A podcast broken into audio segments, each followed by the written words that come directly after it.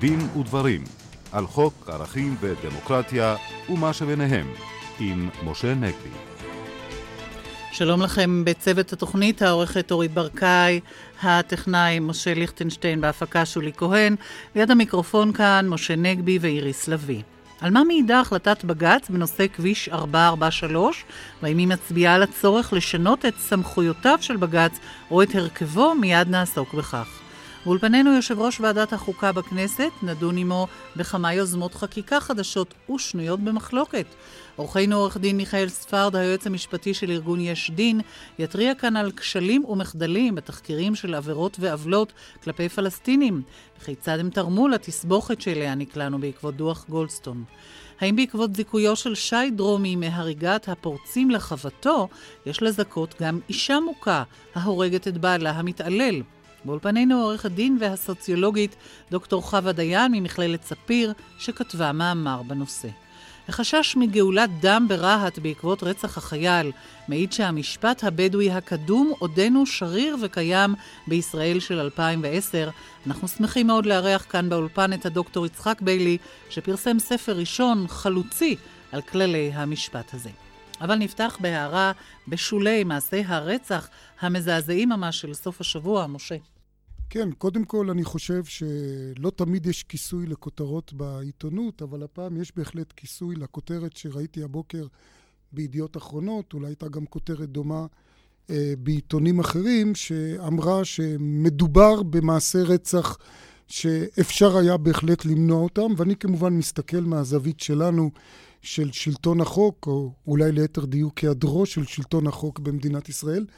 ואני חייב לומר שאם משטרת ישראל הייתה אוכפת את החוק ככתבו וכלשונו, קרוב לוודאי שלפחות אותו רצח אה, מזעזע במושב בני עיש של אותו ילד בן שבע אה, אה, לא היה אה, מתחולל.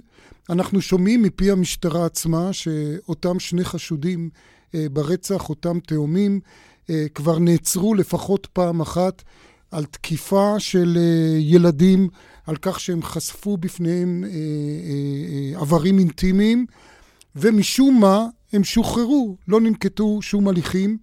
אינני יודע מי הסמיך את המשטרה לשחרר אותם, הדבר הזה סותר לחלוטין את החוק הפלילי של מדינת ישראל. השוטרים אמרו להגנתם שהם לא העלו על דעתם, או לא הייתה להם סיבה לחשוב שהאנשים האלה יבצעו רצח. אף אחד לא דורש מהם לנבא אם אנשים יבצעו רצח או לא, אבל צריך לומר שעצם המעשה של תקיפת ילד, עצם המעשה של חשיפת איבר אה, מין בפני ילד, או איבר אינטימי אחר בפני ילד, אלה עבירות חמורות למדי על פי החוק הפלילי.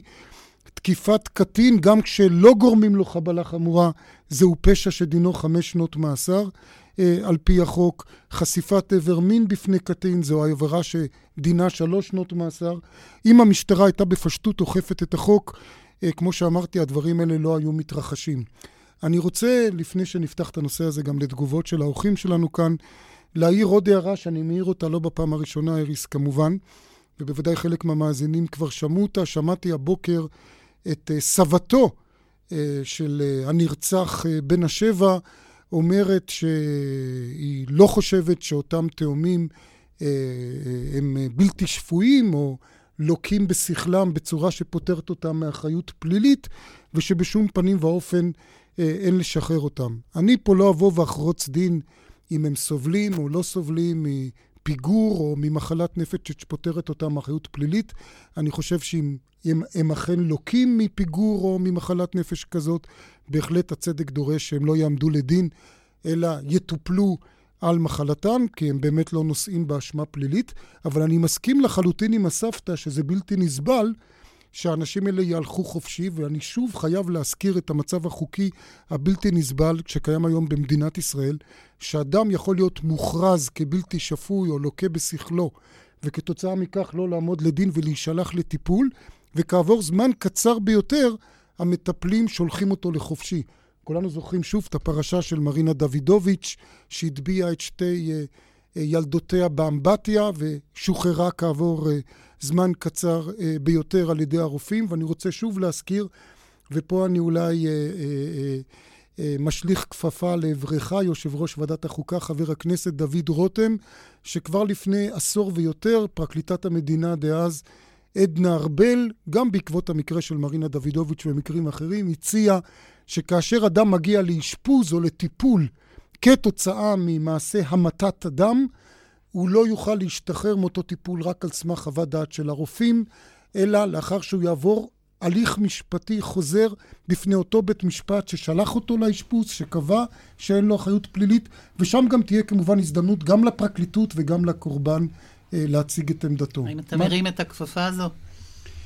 החוק הזה לא עבר. זאת אומרת, אה, הוא לא קודם על ידי משרד המשפטים, היועץ המשפטי לממשלה וצוות אה, הפרקליטות לא קידמו את החוק הזה, וזה חבל. מה שאני אעשה, אני בהחלט מרים את הכפפה. אני אבדוק את הנושא הזה, איפה נמצאת החקיקה, ואשתדל לקדם אותה. ואנחנו נעבור אל הנושא הבא, אה, החלטת בג"ץ להתיר לפלסטינים לנסוע, גם הם, בכביש 443, שהעלתה ביקורת אה, חריפה על בג"ץ, ויש לכאן פנים לכאן ולכאן, על כל הנושא הזה אנחנו נדבר עכשיו, משה. כמובן, אפשר לבקר כל פסק דין של בג"ץ, ו... אה, אה, הרי בתוכנית הזאת אנחנו מבק... מבקרים ועוד נבקר לא מעט פסקי דין של בג"ץ.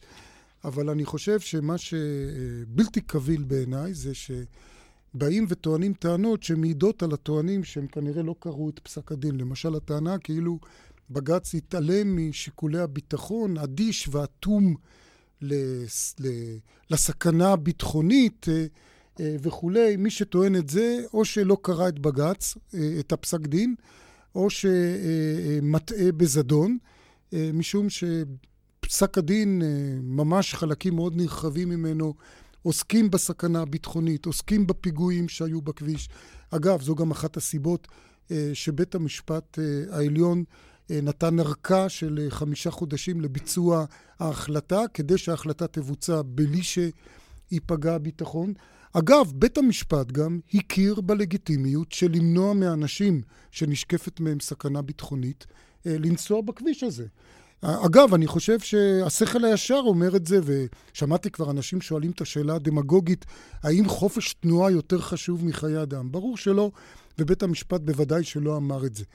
כל מה שאמר בית המשפט, בית המשפט אמר, במדינה דמוקרטית, במדינת חוק מתוקנת, לא ייתכן לבוא ולומר שכל, שציבור שלם, אה, ממוצא אתני מסוים, במקרה הזה הפלסטינים בשטחים, כולו סיכון ביטחוני.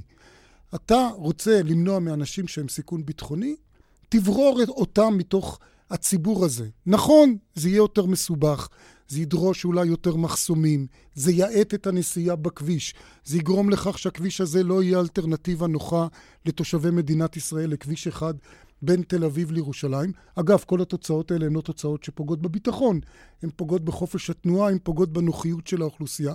אבל בית המשפט אמר, לדעתי האישית בצדק, עוד פעם, אפשר להתווכח, אבל בית המשפט אמר, עדיף שיהיה פחות נוח, אפילו הרבה פחות נוח לכולם, מאשר שיהיה ציבור שלם שלחלוטין לא יוכל להשתמש באותו כביש. מה עוד, וזה שוב נקודה שלא זכתה להבלטה מספקת, שרובו של הכביש נסלל על אדמות שהופקעו אה, אדמות פרטיות של אה, פלסטינים, שבעת ההפקעה הצבא הצהיר לבג"ץ, הוא לא אמר אני מפקיע את זה למטרות ביטחוניות כדי למנוע פיגועים, הוא אמר אני מפקיע את זה כדי לסלול כביש שישרת את האוכלוסייה הפלסטינית. לכן אגב העותרים בבג"ץ אמרו, אם אין דרך אחרת להבטיח את הביטחון, אלא על ידי כך שיפרידו בין יהודים לפלסטינים, אז אדרבה, שרק פלסטינים ייסעו בכביש ולא היהודים, כי זה כביש שנועד לפלסטינים ולא ליהודים. כמובן שגם בג"ץ לא קיבל את הפתרון הזה. אני רוצה גם לומר שגם מי שאיננו מסכים לה, להחלטה הזאת של בג"ץ, כמו שאמרתי, קודם כל שלא יעוות את הנימוקים, ולדעתי הנימוקים פה הופתו בדיון. שנית, יש לו את הדרך לבקש דיון נוסף, ואני כבר הבעתי דעתי שיש פה סיכוי לא רע לדיון נוסף, הרי יש דעת רוב ודעת מיעוט בפסיקה הזאת, ובוודאי פסיקה קשה, ומבחינת התוצאות שלה. ודבר אחרון, אני רוצה לומר, מה שבוודאי בלתי נסבל, ופה אני רוצה לתת יישר כוח גדול לשר המשפטים יעקב נאמן שמנע את זה, שבגלל שפסקי דין של בית המשפט העליון לא מוצאים חן בעיני חברי כנסת, הם מחליטים לעשות סיכול ממוקד לעצמאות של בית המשפט על ידי כך שהם אומרים, אנחנו נמנה שופטים כלבבינו נוסיף עוד שלושה כלבבינו. וזה הנימוק שהביאו חברי הכנסת יריב לוין ומיכאל בן ארי לאותה הצעה נפסדת אה, שלהם. ואני רוצה לומר, שוב, א', אני לא יודע איך הם יכולים להבטיח שהשופטים שהם ימנו יהיו כלבבם, אבל בוודאי שהדבר הזה הוא מוקצה מחמת מיאוס. חבר הכנסת רותם, אולי בשני, בשתי הנקודות, גם פסיקת בג"ץ וגם ההצעה הזאת, אתה מסכים עם שר המשפטים שההצעה הזאת היא פגיעה בדמוקרטיה, להגדיל את מספר השופטים? לא. וגם נושא הכביש. אני לא מסכים עם שר המשפטים, ואני חושב שהעובדות כפי שהצגת אותן, אה, הן פשוט לא נכונות. על פי החוק, ועל פי תקנון הכנסת, כאשר מגישים הצעת חוק, היא שוכבת על שולחן הכנסת לפני שהיא יכולה לבוא לדיון 45 יום. כאשר הצעת החוק של חבר הכנסת לוין וחבר הכנסת בן ארי הוגשה, עוד לא ידעו מה פסק הדין בעניין 443. ולכן אי אפשר לבוא ולומר שהחוק הזה נעשה אה, בגלל ש... הם פסק... אמרו. לא, הם לא יכולים, יכול להיות שהם אמרו את זה אתמול, אבל לא זו הייתה הסיבה שהם הניחו את החוק, כי החוק כבר נמצא על שולחן הכנסת זמן רב. אגב, הם טוענים עכשיו אני אגיד לך יותר מזה. אה, נכון? אני בהחלט תומך בחוק, אני חושב שצריך להגדיל את מספר שופטיו של בית המשפט העליון. אבל לא אה, בגלל פסק, פסק לא בגלל דין פסק כזה או הדין. אחר. השופטת בייניש טוענת חדשים לבקרים שהעומס על שופטי בית המשפט העליון הוא אדיר, ולכן צריך אה, להקים ערכאה רביעית שהיא ערכאת ערעור. אז אני מוכרח לומר, הרי אני מתנגד לערכאת ערעור, אז אם ההחלטה היום בעצם אומרת שעל בית המשפט העליון לא מוטל עומס גדול מדי, ובכך נסתם הגולל על אה, ערכאת הערעור, אה, גם זה דבר טוב, ואני לא אצטער עליו.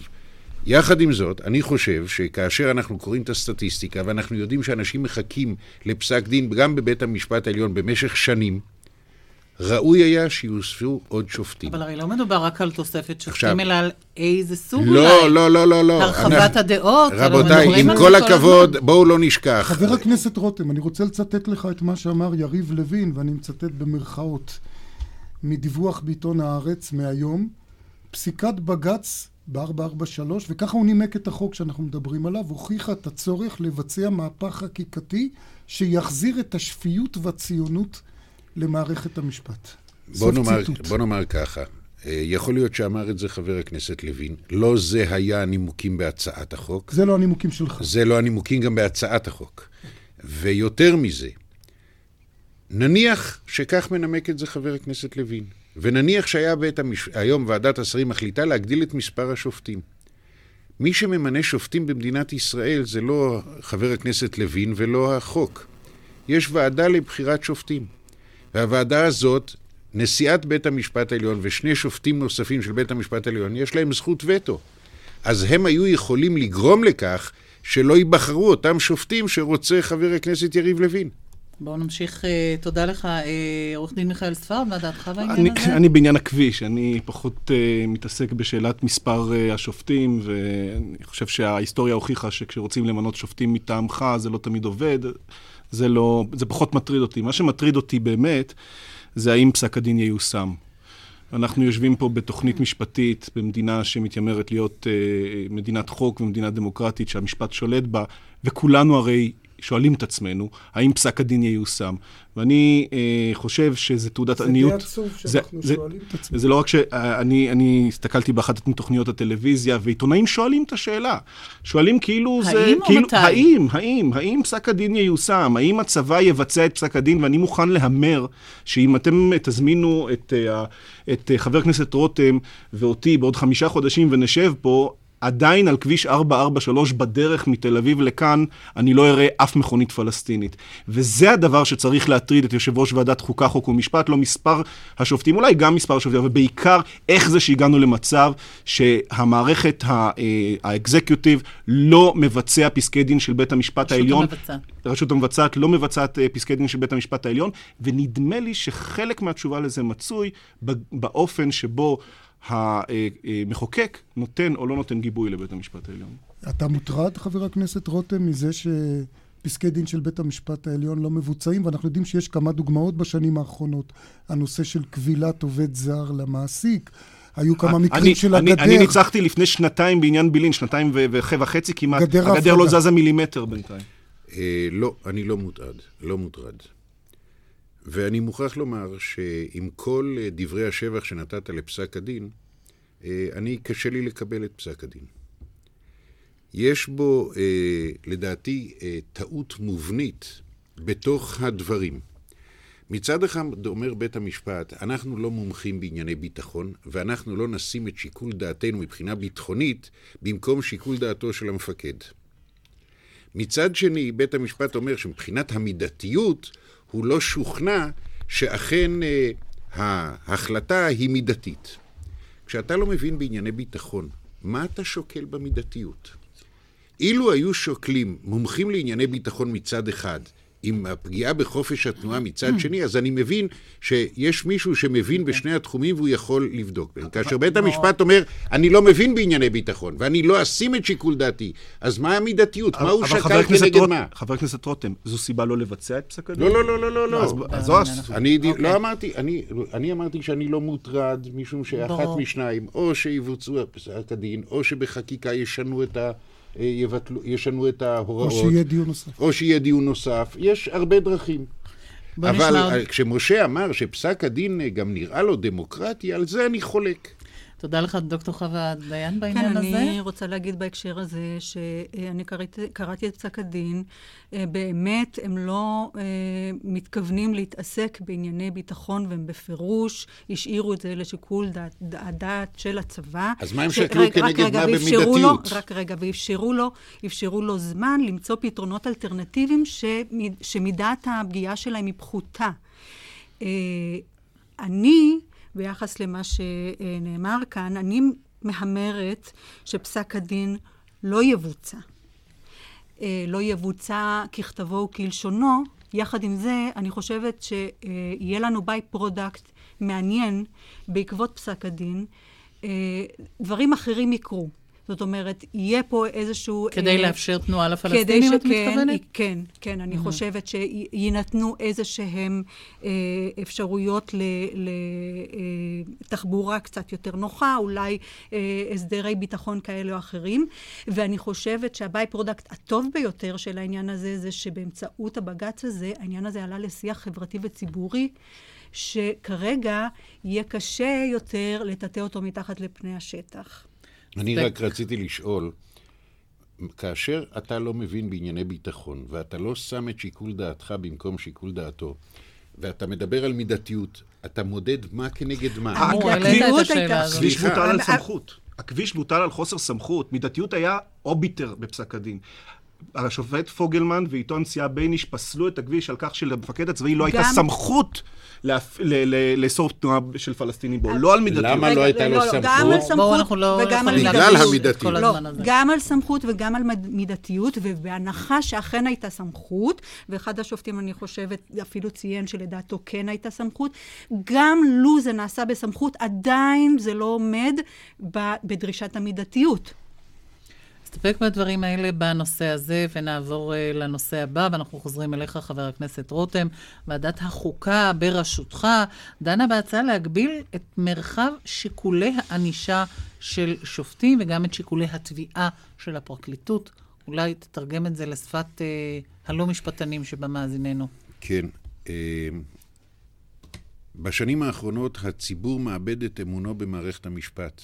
וכאשר אני אומר מערכת המשפט, אני מדבר גם על מערכת אכיפת החוק וגם על מערכת בתי המשפט. בין היתר, משום שהציבור רואה שאנשים שעוברים עבירות שלדעתו הן חמורות והן פוגעות בחברה, אה, יוצאים עם עונשים אה, קלים מאוד.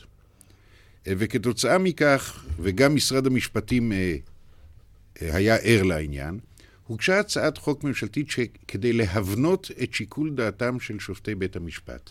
דהיינו, באים ואומרים שיקבעו לשופטים נסיבות מקלות, נסיבות מחמירות, ויהיו עונשי מוצא שבית המשפט יצטרך לדון ולפסוק לפי הנתונים האלה. זה בעצם גרסה מתונה של הרעיון שהיה של עונשי מינימום. עונשי מינימום. זה לא יהיו עונשי מינימום, כי אה, לא רוצים לשלול מהשופט, אבל מחייבים את השופט לנמק מדוע הוא בחר בשיקולים אלה ולא בשיקולים אחרים, ועל פי זה לקבוע את העונש.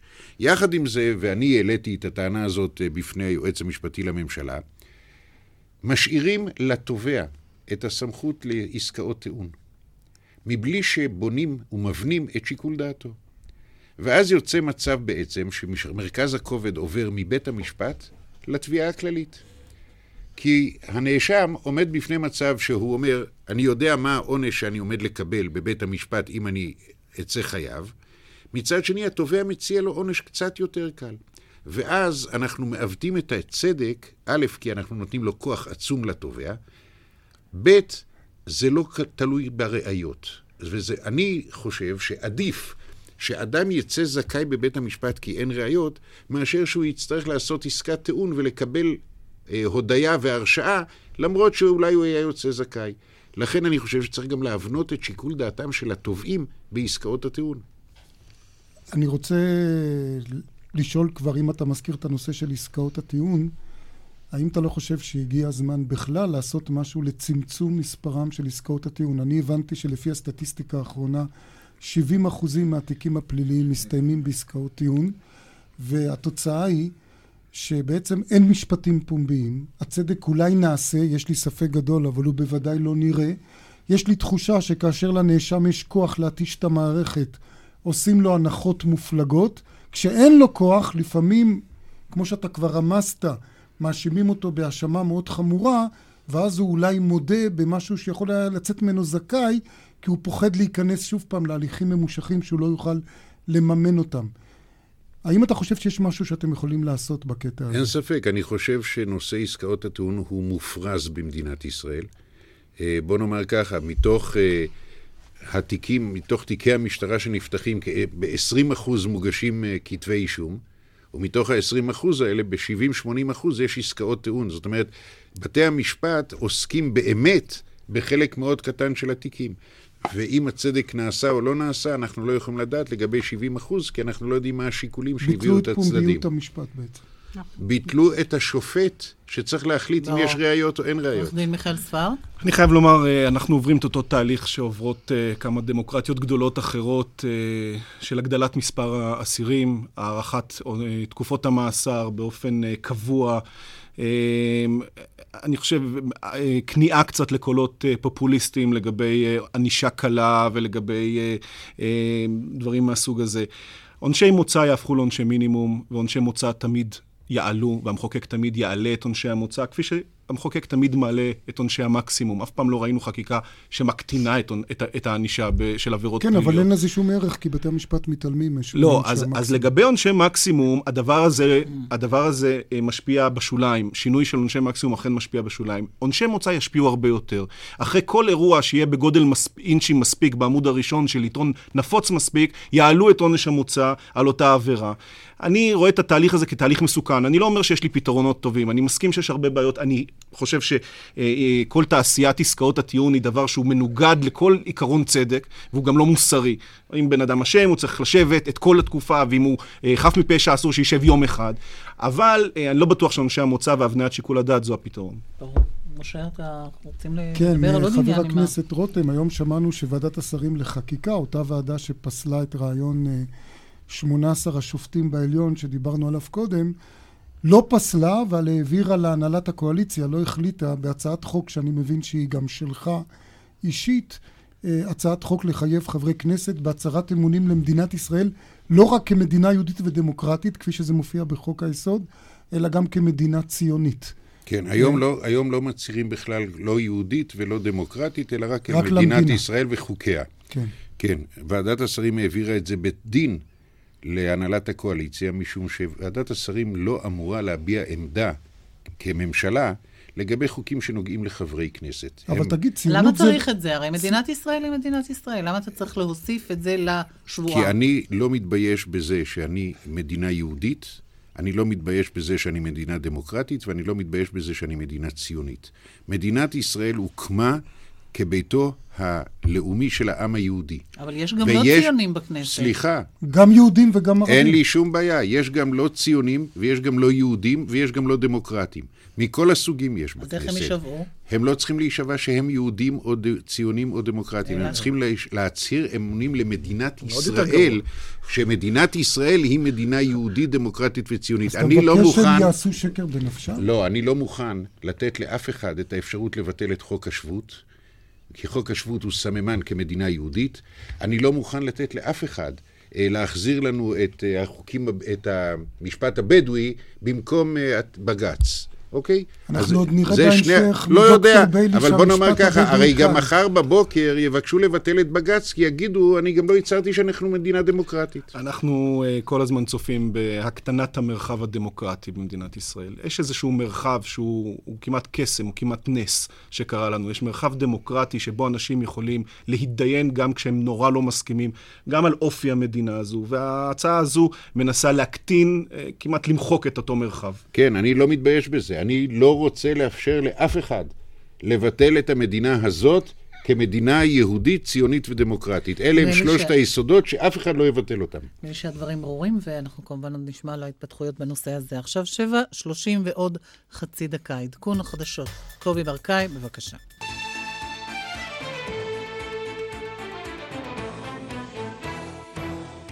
אנחנו כאן בדין ודברים. ישיבת הר הברכה עתרה שלשום לבג"ץ נגד הוצאתה מישיבות ההסדר.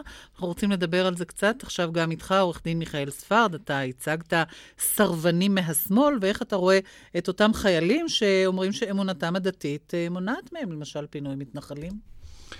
אה, אני לוקח את הזכות לחופש מצפון מאוד מאוד ברצינות, אה, וחופש מצפון הוא לא רק חופש אה, של מצפון שאני שותף לו, אלא גם מצפון שאני אינני שותף לו. ואני חושב שבמקרים המתאימים, ואני מדגיש, במקרים המתאימים, כי הרבה מהדברים שראינו באחרונה, אני לא הייתי מכנה אותם סרבנות מצפון, אלא יותר מרי אזרחי. אבל באותם מקרים שבהם אה, אדם אה, אה, מוצא את עצמו נקרע בין ראיית עולמו, ערכיו, זהותו, לבין פקודה שהוא קיבל למלא מהממלכה.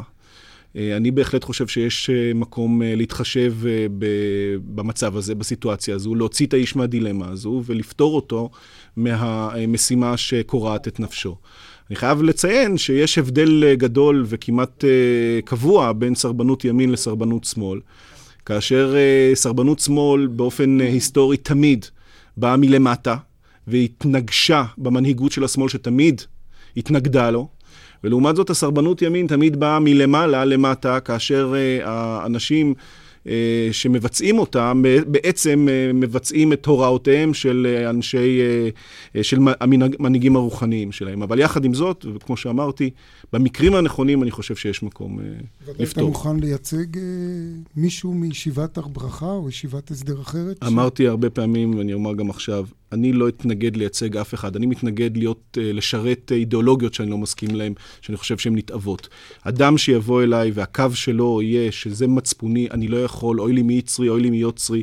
אני לא מעוניין לשים רגליים למשימה, אבל אני לא, אבל אני לא יכול להשתתף בה, לא מסוגל, אני אהיה מוכן לתמוך. אני מקווה שאני לא מסבך אותך עם לשכת עורכי הדין, אבל אם ככה, אני מאוד ממליץ אה, שיפנו אליך, כי אני חושב שאתה עורך דין מצוין בתחום הזה. תודה. אה, ואתה לא הזמנת את הפרסומת הזאת, אני שוב מדגיש. לא, לא, אין דאגה, יש... לטובת אה, לשכת עורכי הדין. מותר היום כבר לעשות פרסומת. במידה, מידתית. מידתית. אבל באמת, עורך דין מיכאל ספרד, זימנו אותך כאן לאולפן, ואני שמח כתמיד שאתה בא.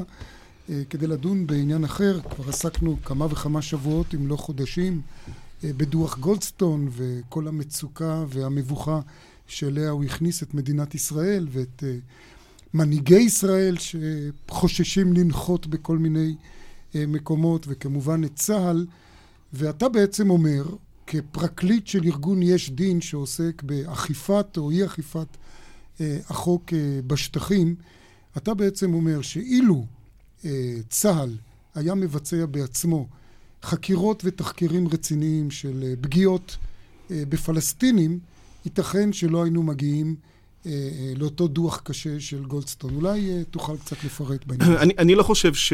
אני חושב שבניגוד לדימוי שנוצר בציבור, דוח גולדסטון, החידוש שבו והמש... וההשלכות המרחיקות לכת שלו על, על המצב המשפטי של ישראלים, לא נובע מהקביעה שישראל ביצעה פשעי מלחמה.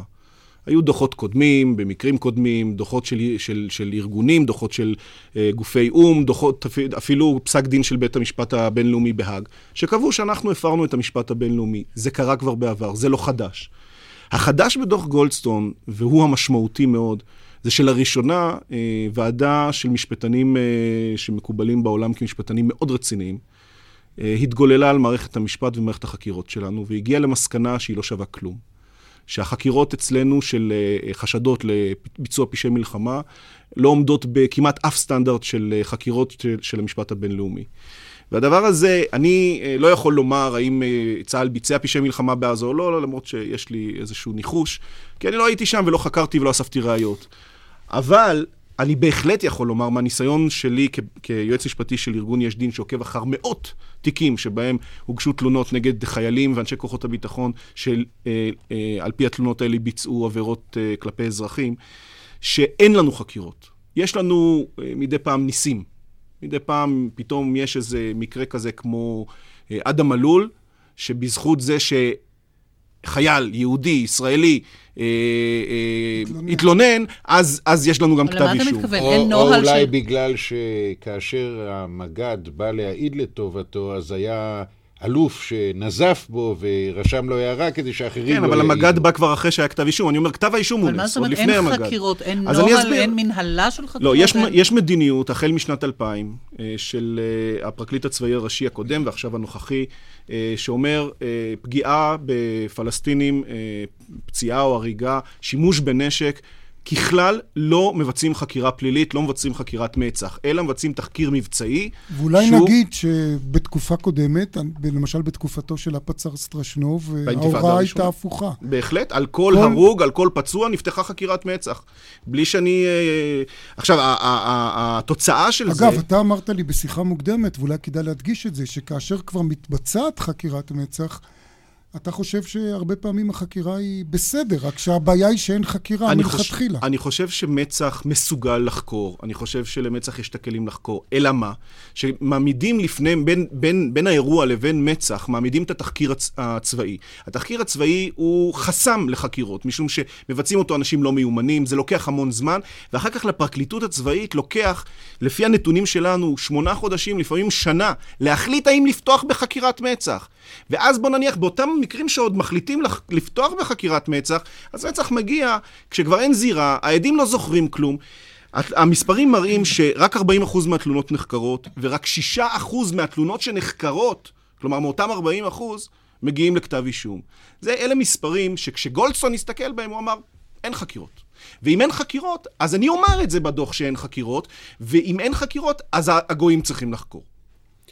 חבר הכנסת רותם, אתה תראו. יכול אה, להיות שותף לביקורת לא, הזאת? בהחלט שלא.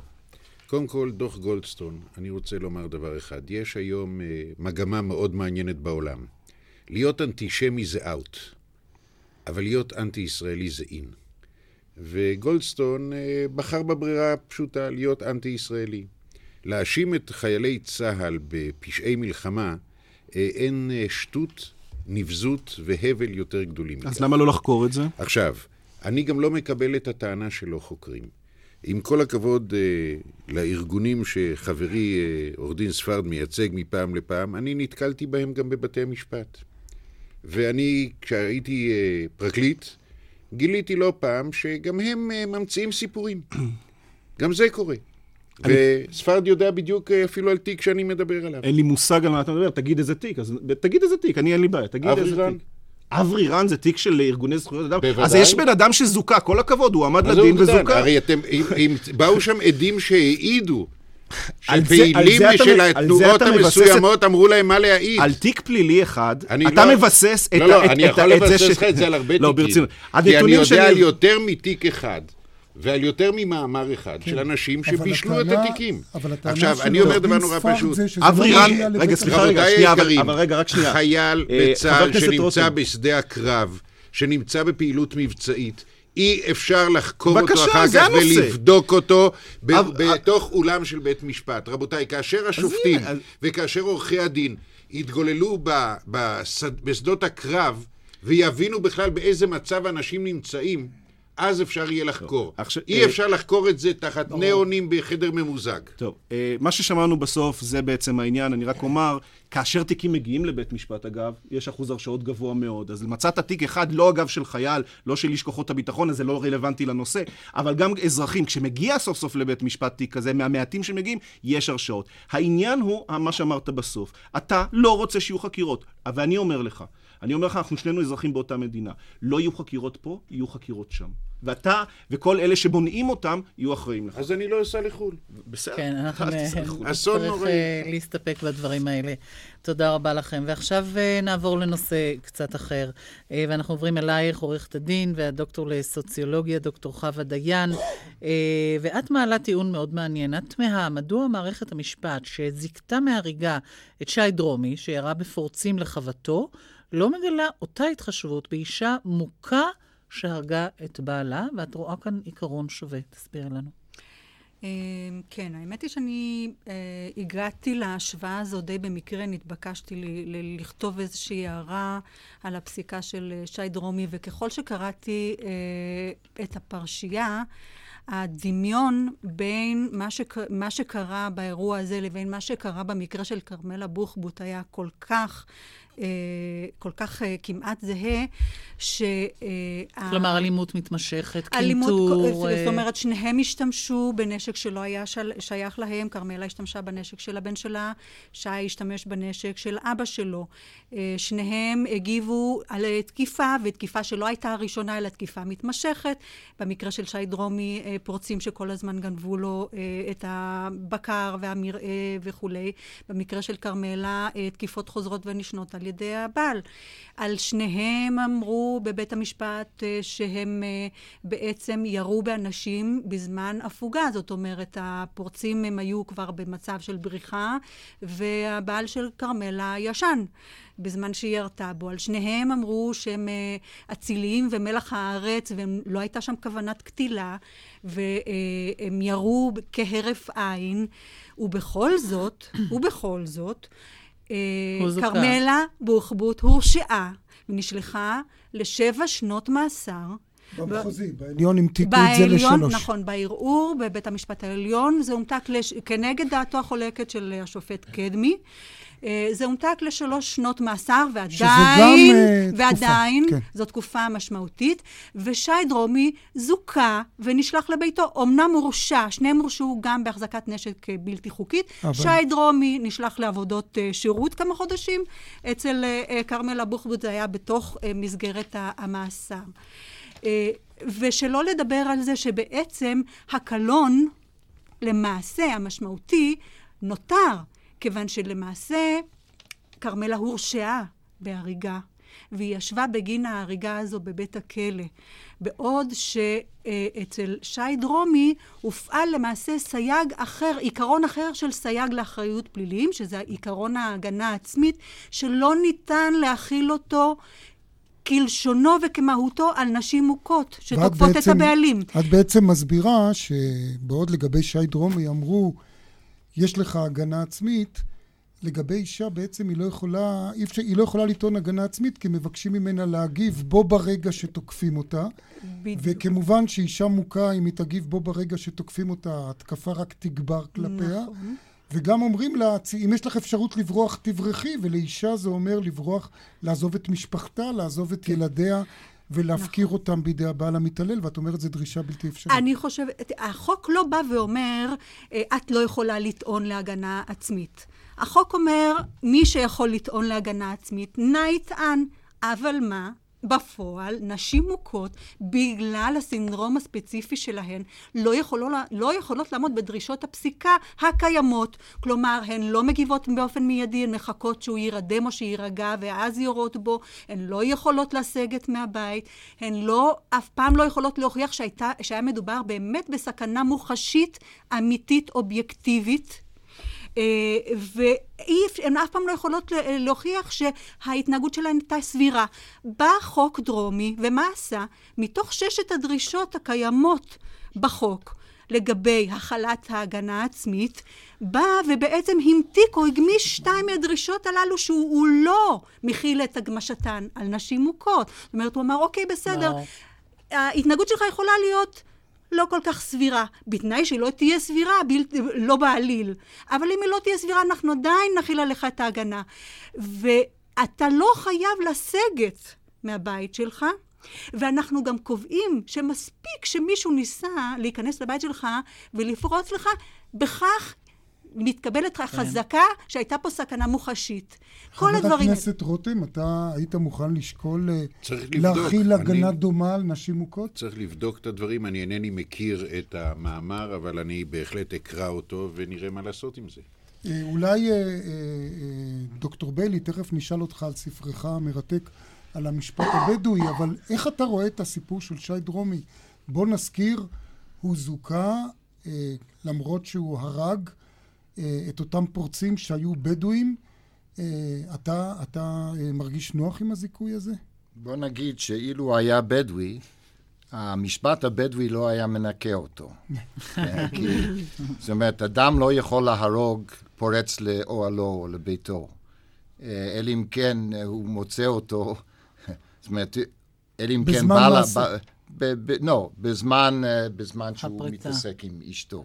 אה, זה היה כן מנקה. זה כן, אבל לא, פורט... לא כשהוא גונב את הגמל שלו. לא, לא כשהוא גונב את הגמל שלו. ואם אה, הוא הורג אותו, אז אה, הוא, הוא חייב בנקמת דם. זאת אומרת, נקמת דם...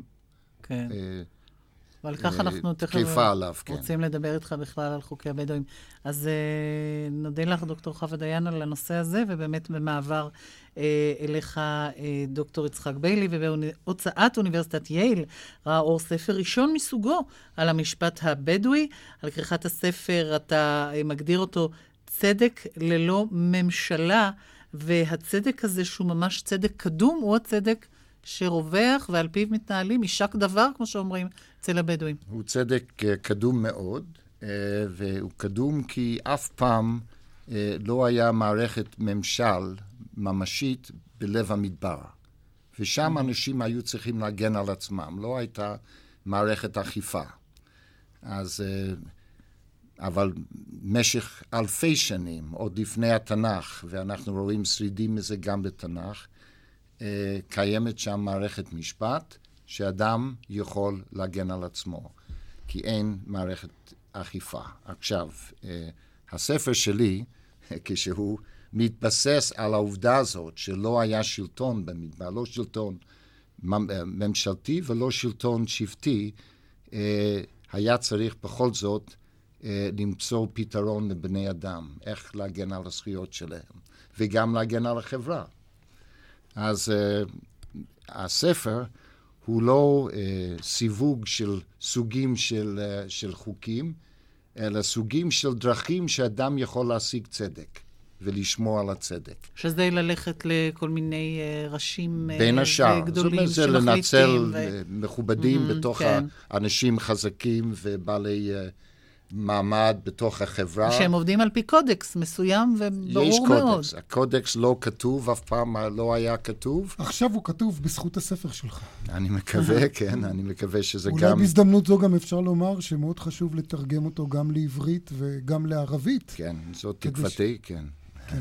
הנושא של נקמת דם, שאנחנו יודעים עליו ושומעים, וששומעים עליו גם אה, כן. ממש בחדשות, אה, עד כמה באמת, ואיך הוא, הוא עובד אה, בתוך החיים היומיומיים? תראי, בתנאים כמה... של חוסר שלטון במדבר, כל אדם צריך להגן על עצמו, וקו ההגנה הקדמי, הקדמי שלו זה המוניטין שלו. מוניטין זה אומר שהוא לא מוותר על שום זכות. אדם פוגע בו, הוא מעניש אותו. והוא מראה לכל החברה, לא, לא, לא, כדאי, לא כדאי לפגוע בי. וגם דורות קדימה. וגם דורות קדימה, mm-hmm. זאת אומרת, זה נשאר בתוך, ה, בתוך החמולה, בתוך המשפחה. מה שקרוי כוחות, אה, כוח הרתעה. כוח הרתעה, זה בהחלט כוח הרתעה, וזה נשאר בתפיסה, תפיסת העולם של הבדואים. אתה ולכן... מדבר בהתפעלות מסוימת, והיא גם מובנת ומוצדקת, מהצורה שבה הבדואים, בהיעדר שלטון מרכזי, או שלטון חיצוני פיתחו שיטת משפט. כן. אבל יש בכל זאת כמובן דברים מאוד מטרידים כשאנחנו מסתכלים מנקודת המבט של חברה מודרנית במשפט הבדואי. כמובן הנושא של גאולת דם, אבל לטעמי עוד יותר הנושא של מעמד האישה. אתה מקדיש לזה פרק או כן, פרק בעצם אה, בספר, פרק מרתק. אז כמובן ההתייחסות היא לכך שלמשל אם אישה לא מצייתת או לא ממושמעת כלפי הבעל, זה מקנה לו זכות אה, להפעיל נגדה אלימות, עונשים אה, גופניים. ויש לי תחושה, תקן אותי אם אני טועה, שמערכת המשפט שלנו די סובלנית לתופעה הזאת. היא לא כך מתערבת להגן על נשים מוכות אצל הבדואים. לא, לא כפי שצריך להיות, כי בכל זאת, תנאי החיים של הבדואים משתנים. זה לא, הם לא חיים בלב המדבר ולא נודדים ומגדלים גמלים ועזים, אלא חיים בבתים, ביישובים וכולי, ויש דברים מסוימים שחייבים אה, להשתנות. ורצח אישה על אה, כביכול כבוד המשפחה, אה, זה דבר שאין שום מקום לזה במדינת ישראל. או במדינה מתוקנת כלשהי. אבל זה קורה ו... זה קורה, ומשתדלים להיכנס לזה, אבל היו תקלות. יש המקרה הזה של משפחת אבו גאנם מהתראבין, מהנגב, שגרים היום ברמלה, הרגו תשעה, אה, תשע נשים, mm-hmm. תשע נשים בשנים, בעשור האחרון נניח. והמקסימום שקיבלו זה עשרים שנות מאסר. והיו כמובן פשלות אה, מצד המשטרה, טיפול בנושא. כן. עד ולכן... כמה יש להם פתיחות באמת אה, ואוזן למה שקורה אה, במשפט זה... הישראלי, בתרבות הישראלית, או שהם... כל בעל תרבות לא אוהב שינויים. לא אצל החרדים שלנו ולא אצלם. אה, ו... יש גם קשר שתיקה פנימי, זה גם משותף להם ולחרדים. זה כן, עוד פעם מחזיר נכון. אותנו לאקטואליה כן. שפתחנו בה. כן, אז ובמקרה ההוא, אה, במקרה שהזכרתי עכשיו ברמלה, הנשים התחילו לדבר. וכמובן שהן בסכנה. אבל אה, זה, זה סימן של שינוי. יש סימנים של שינוי גם כלפי כל הנשים בנגב, במיוחד אלה שלומדות. משכילות. משכילות לומדות באוניברסיטה בבאר שבע. אבל עצם הלימוד לא מסכן אותם? ללכת ללמוד uh, בעיר? אין, אין מאוד קפדניות לגבי לא לעבור את, ה, לא לעבור את הקו האדום. כן. ואתה חיית איתם, רבה. כמובן, חיית איתם אה, הרבה שנים, נכון? כן, או אני, ממש בתוך... אני חוקר בתוכם. אותם כבר 42 שנים. אז... ו... ביליתי איתם חודשים ושבועות, גם בנגב וגם בסיני וגם בירדן. אולי בתוכנית אחרת באמת... אה, שאיריס מגישה, נשמע גם על ספר שלך, שכתבת על השירה הבדואית. רק אשמח. ואנחנו נסתפק בדברים האלה, לצערנו זמננו תם. תודה רבה לך. בבקשה. כן, עד כאן. דין ודברים להיום. תודה לחבר הכנסת אה, דוד רותם, לעורך דין מיכאל ספרד, לדוקטור חווה דיין ולדוקטור יצחק ביילי, עורכת התוכנית אורית ברקאי, המפיקה שולי כהן, באולפן היינו משה נגבי ואיריס לביא. ניתן להאזין לנו גם באתר רשת ב' באינטרנט, ואנחנו נשוב בשידור חי של דין ודברים ביום ראשון הבא, אחרי חדשות שבע. ערב טוב, להתראות.